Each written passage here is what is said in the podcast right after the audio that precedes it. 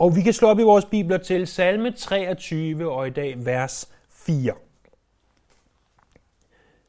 Vi har øh, som sagt set på salme 23 de forgangne søndage. Vi ser i vers 1 det her hovedudsagn, at Herren er min hyrde, jeg lider ingen nød. Fordi Herren er vores hyrde, så behøver vi ikke lide nød. Og vers 2-6 beskriver, hvorfor det er, at vi ikke lider nød, når Herren er vores hyrde. Vi så så sidste gang, at en af de måder, hvorpå vi ikke lider nød, det er, at han lader os ligge i de grønne enge og leder os til det stille vand. Og når vi læser det, så i hvert fald for mit vedkommende, fyldes jeg af en, en dyb følelse af, af glæde og, og fred og, og idyll. Det, det lyder som noget godt, det lyder som noget smukt, det lyder som noget vidunderligt. Og at ligge der ved de grønne enge og blive ledt til det stille vand. Vi lærte også, at han giver os kraft på ny.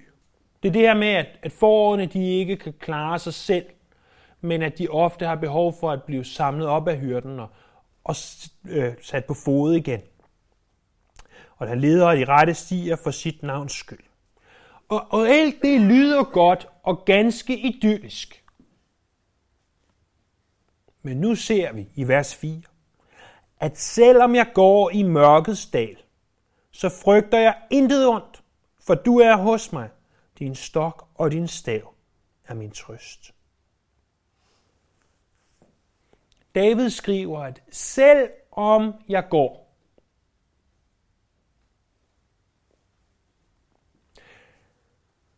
Det kristne liv er ikke et liv, hvor vi er lovet, at der ikke vil være problemer. Hvor vi er, ikke er lovet, at der vil være nogen dødens dal, mørkets dal. Det kristne liv er et til trods for liv. Det er ikke et liv, hvor at det går, at vi har det godt, fordi at det går os godt. Nej, vi har det godt til trods for vores ydre omstændigheder. Vi har det, som vi har det, ikke på grund af, hvordan det går i vores liv, men til trods for, hvordan det går i vores liv. Husk nu, at salmisten har skrevet, vi har ligget i de grønne eng. Det har været godt, det har været idyllisk. Men nu kommer der ubehag. Nu kommer der noget, der forstyrrer freden. Noget, der får ham til at føle, at han gennemgår noget, der minder om døden. Der står også, at jeg selvom jeg går igennem mørkets dal. At gå igennem noget betyder, at du på et eller andet tidspunkt kommer ud på den anden side. At det er ikke en permanent tilstand. Det er en midlertidig tilstand. Og øh, uanset om man, som jeg selv lige har, har været syg i, i langt over en uge, så føles den uge som ganske lang tid. Men når jeg tænker på, på en uge af bare et år eller af mit liv, så er en uge jo faktisk ikke ret meget. Og når du tager en specifik begivenhed i dit liv, en specifik situation, som føles mørk og dyster, så selvom du føler, at den varer ganske lang tid, så er den blot i forhold til, set, øh, set i forhold til dit liv, og endnu mere set i forhold til evigheden, som en prik.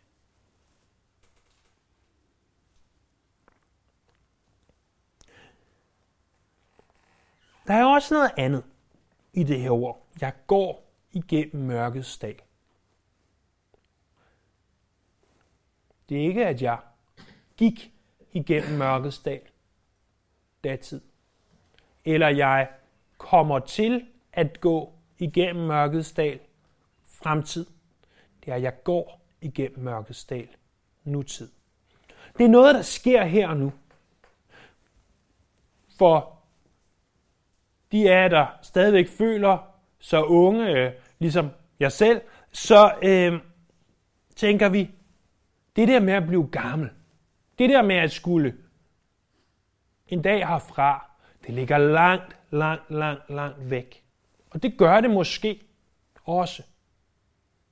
Men det er slet ikke det, det handler om. Det her, det taler til dig, uanset om du er 20, eller om du er 100 år gammel. Fordi det handler ikke om, at vi en dag skal herfra. Det handler om de ting, du går igennem i dag. Ikke i går, ikke i morgen, men i dag. Lad være med at spekulere over, over en gang bliver det svært for mig, eller en gang var det svært for mig. Det er okay, at det kan være svært for dig i dag. Du går igennem øh, vi ser altså, at det kristne liv er et selvomliv. Det er ikke et liv, der er betinget af omstændighederne. Det er et til trods for liv. Et til trods for, hvad der sker nu liv. Og, og det er et liv, hvor vi går igennem noget, og det går vi igennem nu. Og hvad er det så, vi går igennem? Jo, her i den danske oversættelse af 92 er det betegnet som mørkets dal.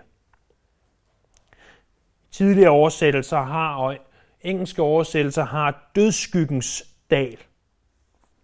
Det er der, hvor døden skygger for livet. Som Spurgeon udtrykte, så er en skygge jo ikke noget, der forhindrer os i at fortsætte fremad. Forestil dig, at du kommer gående der i en dal på en sti, og så kommer du gående, og så ser du, hov, der er en skygge. Ah, jeg må blive stående. Fordi der er en skygge, så fortsætter du bare fremad, men skyggen er der. Dødens skygger. Men der er ikke tale om døden, som sagt, som vores øh, som slutning på det liv, som vi kender her på jorden. Der er ikke alene tale om det, selvom der kan være tale om det. Der er tale om alle former for sorg, problemer, ensomhed osv. Når vi tænker på de her får, som David han jo kendte så godt fra sin tid som forhyrte, han sidder nok nu som konge, efter at have været konge i ganske mange år i Israel, og ser tilbage på sin tid som forhyrte. Så når vi ser på forerne, når vi tænker på forerne, så må de øh, indimellem passere igennem dale og grøfter og så videre, for at komme til grønnere områder. Og, og nogle af de dale, der er ganske mørkt. Der er ganske ubehageligt. Det er steder, hvor solen aldrig kommer. Det er steder, hvor at det kan føles, som om det altid er vinter. Det er et sted, hvor hvis vi skal være helt ærlige over for os selv, og for de, som vi sidder ved siden af, hvor vi føler, at Gud har forladt os. Har du været ved sådan et sted? Har du gået igennem sådan en dal, hvor du tænker, her er Gud ikke. I den her situation, der kan han ikke være. Det er simpelthen for mørkt. Det er simpelthen for dystert. Døden skygger for det her. Problemerne er for overvældende. Der er ingen Gud i den her dal, føler vi. Men som Spurgeon også skrev, så vil der ikke være plads til tro, hvis der altid var sommer, og der aldrig var noget tidevand. Hvis det altid var godt, og vandet blev, hvor vandet blev, og hvis alting herskede i dyl, så havde vi ikke behov for tro. Og tænk på, at Jesus selv passerede igennem dødsskyggens dal. Han gik igennem den dal for os. Og uanset hvor tæt du vandrer med Jesus, uanset om du så føler, at du har ham i din hånd, så vil du indimellem passere igennem dødsskyggens dal. Så vil du komme til de steder, hvor du føler, at solen aldrig når, og at der altid er vinter, hvor det nærmest føles som om, at Gud har forladt dig.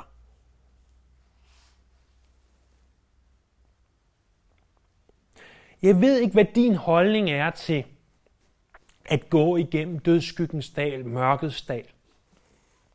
Hvis nu jeg skulle have skrevet den her salme, så kunne jeg måske godt have skrevet, at når jeg går igennem dødskyggens dal,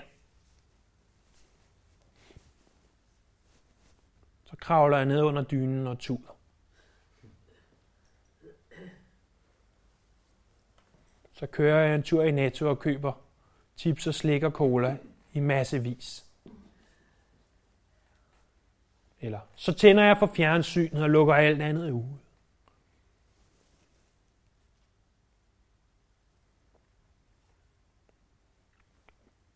Ikke David.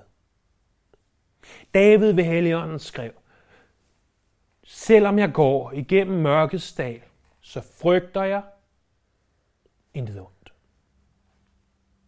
Og det er klart, at kommer man vandrende der med sine får i dødskyggens dal, i mørkets dal, hvor der er skygger, hvor et, vi kun kan forestille os, at der er en ulv bag den næste sten, hvor der er en bjørn, der springer op fra et krat.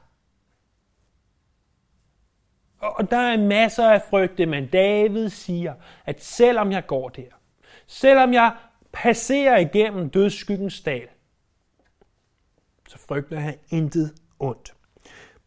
Frygt, det er jo en størrelse, vi alle fra tid til anden lider under. Abraham frygtede, derfor så løj han om sin hustru Sara. Gibeonitterne i Josva kapitel 9, de frygtede Josva, og de frygtede Josvas folk.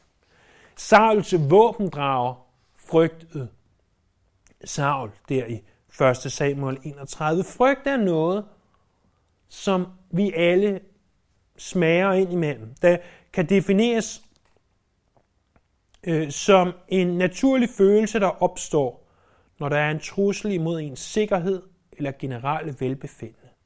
Frygt kan defineres som en naturlig følelse, der opstår, når der er en trussel imod ens sikkerhed eller generelle velbefindende.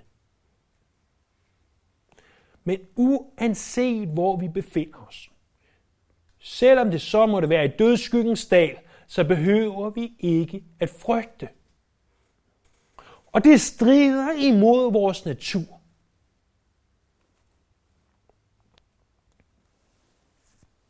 Hvorfor er det så, at vi ikke behøver frygte? Det står der i den tredje linje i vers 4. For du er hos mig. For du er hos mig. det behøver ikke frygte, fordi hyrden er hos dem.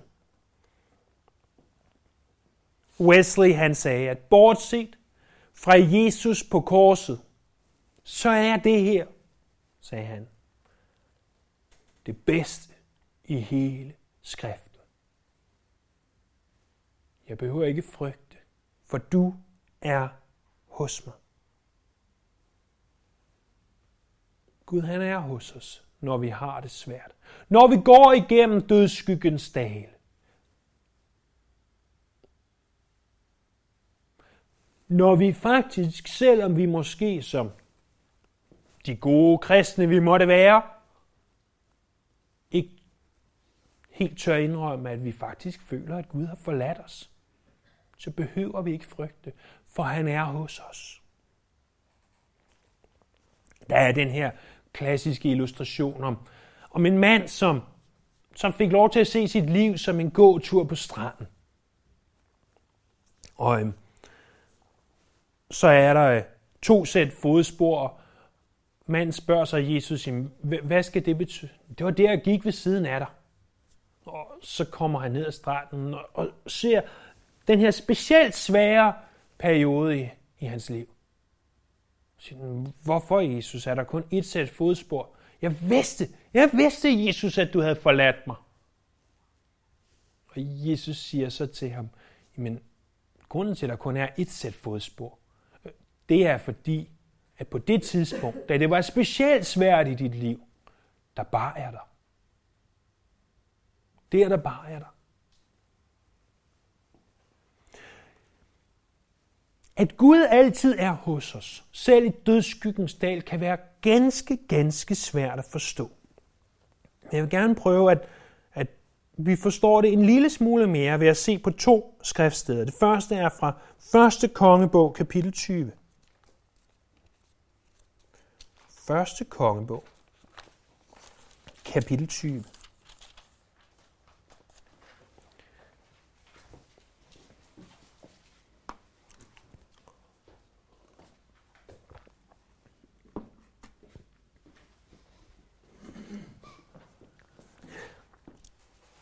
Der er det sådan, at Israel er endnu en gang i krig, og øh, vi ser det i vers 22, 1. konge, kapitel 20, vers 22.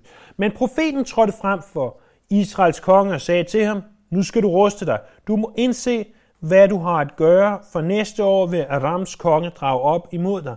Armeernes konge, øh, folk havde sagt til ham, deres Gud er en bjerggud, derfor vandt de over os men lad os angribe dem på sletten, så skal vi nok vinde over dem.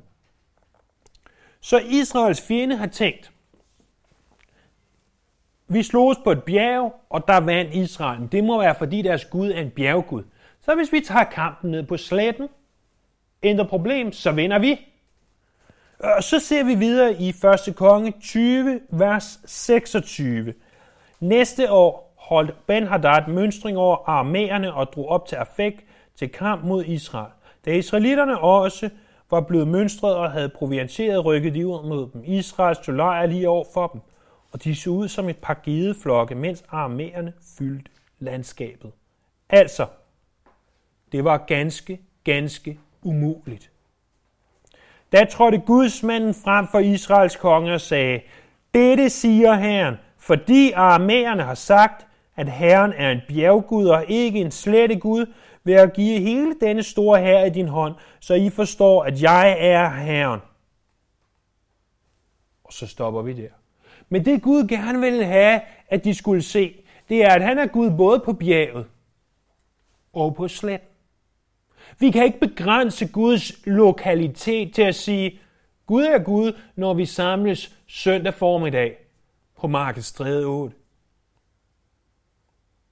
Gud er Gud, når det er juleaften. Gud er Gud i livets store øjeblikke. Nej, Gud er altid Gud, uanset om vi måtte være på bjerget eller på sletten.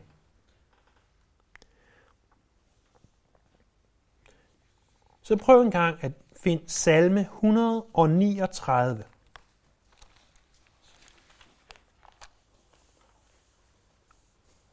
Salme 139.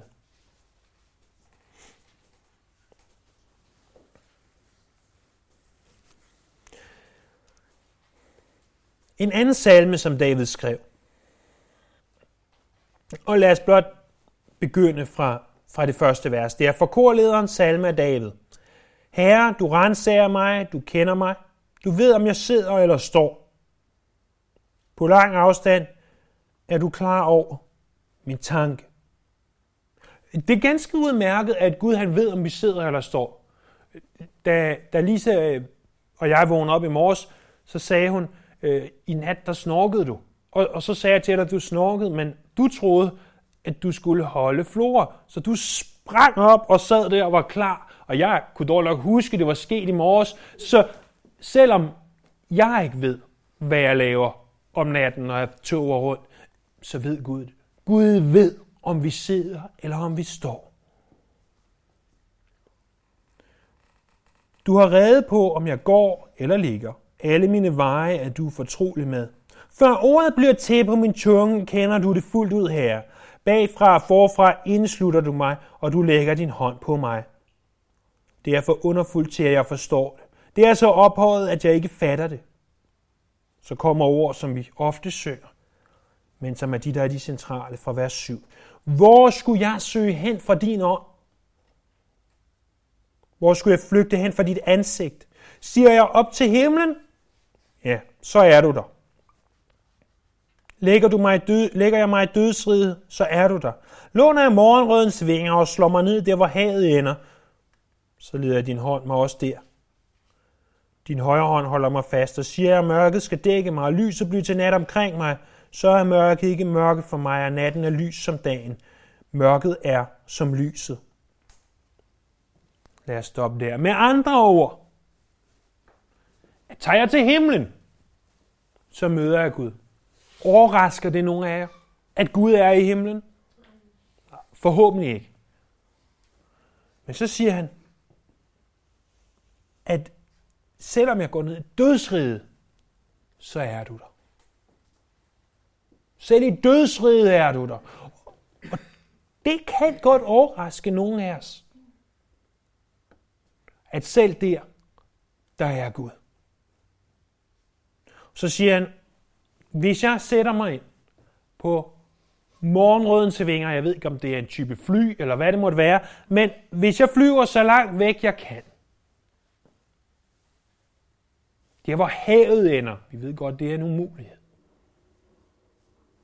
Men så er du der også.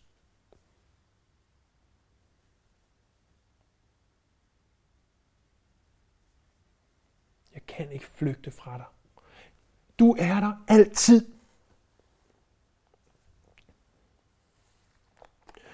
Og det er sådan en Gud, der kan sige, og om hvem vi kan sige, at jeg behøver ikke frygte, når jeg går igennem dødsskyggens dal. For selvom jeg måtte føle, at du, Gud, har forladt mig, så ved jeg på ordets autoritet, at du er der.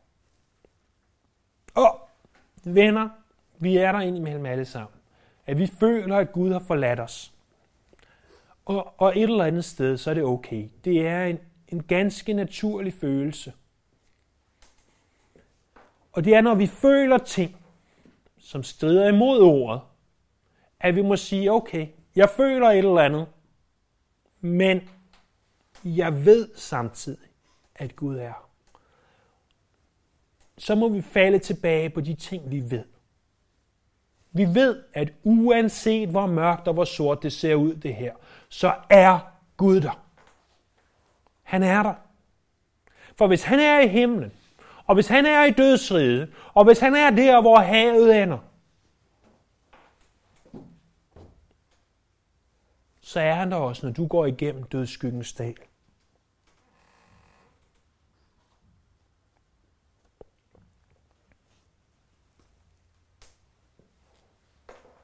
Hvorfor er det, at Gud han tillader, at vi skal igennem dødskyggens dal? Hvorfor er det, at han ikke bare siger, prøv at høre, David, det er rigtigt, at for at komme til de grønne enge, for at komme til det nye sted, der er græs, der skal du igennem de her dale. Jeg er Gud, jeg kan gøre, hvad jeg vil. Jeg flytter dig på utrolig magisk vis fra et sted til et andet, således du ikke behøver at gå igennem dødsskyggens dal. Men Gud, han bruger dødsskyggens dal. Han bruger den som sin stok og sin stav. David siger, din stok og din stav er min trøst. Stokken var et redskab, et ganske kort redskab, taget ud af en olivengren. Øh, den var skåret således, at der var en knude i den ene ende. Og det blev et redskab, man brugte til at beskytte sine får og til at disciplinere sine får. Man kunne kaste stok, således at en potentiel fjende blev jaget væk. Og derfor så er stokken en trøst. Samtidig så kunne man bruge stokken til at tjekke ulden, således man kunne se, om der var urenheder i den. Men man kunne også bruge den til at disciplinere fåren. Øh, således at de vidste, hvad de måtte gøre og ikke måtte gøre, så vidt man kan disciplinere for. Det er det, som Guds ord er med til at gøre for os. At det disciplinerer os og lærer os, hvad vi må og hvad vi ikke må. Således at vi kan blive mere som ham. Staven derimod, den taler om det, som, som vi tænker på, når vi tænker på en hyrde. Den typiske, Øh, relativt lange hyrdestav med det krogede hoved. Øh, den blev brugt til at hive forne op for klippehylder, hvor de var faldet ned på, således at man kunne få dem på plads igen. Det er det, som Jesus taler om, når han siger, hvis en mand har 100 får, og blot et af dem løber bort, vil man så ikke gå ud for at finde det. Stokken og staven er til trøst. Når vi i vores hedder det, postmoderne samfund tænker på en stok og en stav, og tænker på, at det er altså noget, der bliver brugt til disciplinering, noget, der også bliver brugt til at give forerne en gang ja, klø med, så tænker vi sjældent på, at det er trøst. Hvorfor er det trøst? Hvorfor er det trøst, at vi får lov til at gå igennem dødskyggens dal? Hvorfor er det trøst, at vi bliver disciplineret? Hvorfor er det trøst, at, ja, at vi bliver opdraget? Men prøv en gang et sidste skriftsted her fra Hebræerbrevet kapitel 12.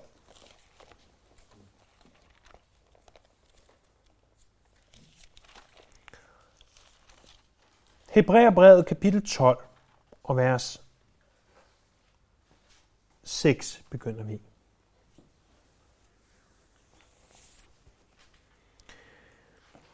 Det, at vi opdrages, det, at, at Gud han, han tillader stokken og staven i vores liv, det kan være afsindig hårdt, men som vi ser her, at Herren tugter den, han elsker. Han straffer hver søn, han holder af. For jeres opdragelses skyld skal I holde ud. Gud behandler jer som sønner. For hvor er den søn, som ikke tugtes af sin far? Og hvis I lades uden opdragelse, som er alle slået, så er I uægte børn og ikke sønner.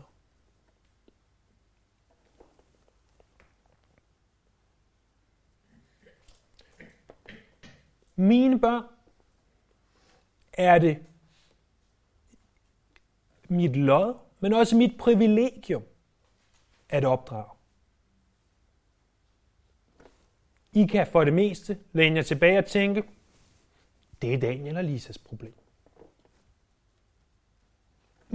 Men det er min gudgivende opgave at opdrage mine børn. Fordi de er mine. Dine børn, det er din opgave at opdrage. Og når vi bliver opdraget af Herren, skriver Hebræerbrevets forfatter her,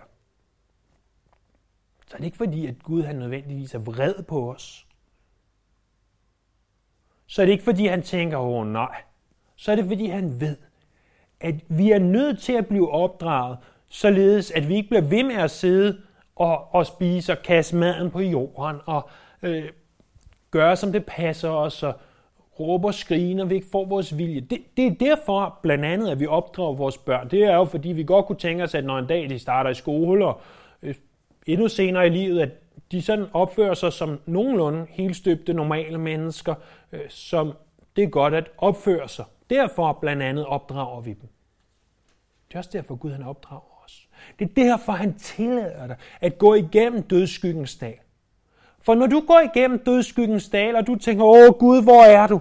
Og du så kommer i tanke om, nå ja, Gud er her, selv midt i dødskyggens dal, så styrkes din tro. Så bliver du lidt mere som ham. Så former han dig, som pottemæren former leret.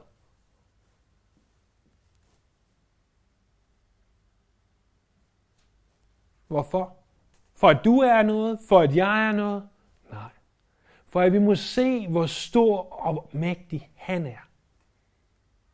Ham, som har skabt os. Ham, som elsker os. Ham, som er vores sjæles hyrde. Lad os bede.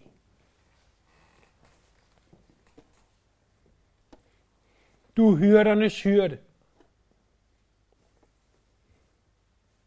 Vi tør næsten ikke sige det, men tak, når du opdrager os. Tak, når du tillader os at gå igennem dødskyggens dal. Tak, at du den her formiddag har mindet os om. Vi er aldrig alene. Du er der. Og for det priser vi dig, for det takker vi dig, for det elsker vi dig. Vi lover dit navn. Amen.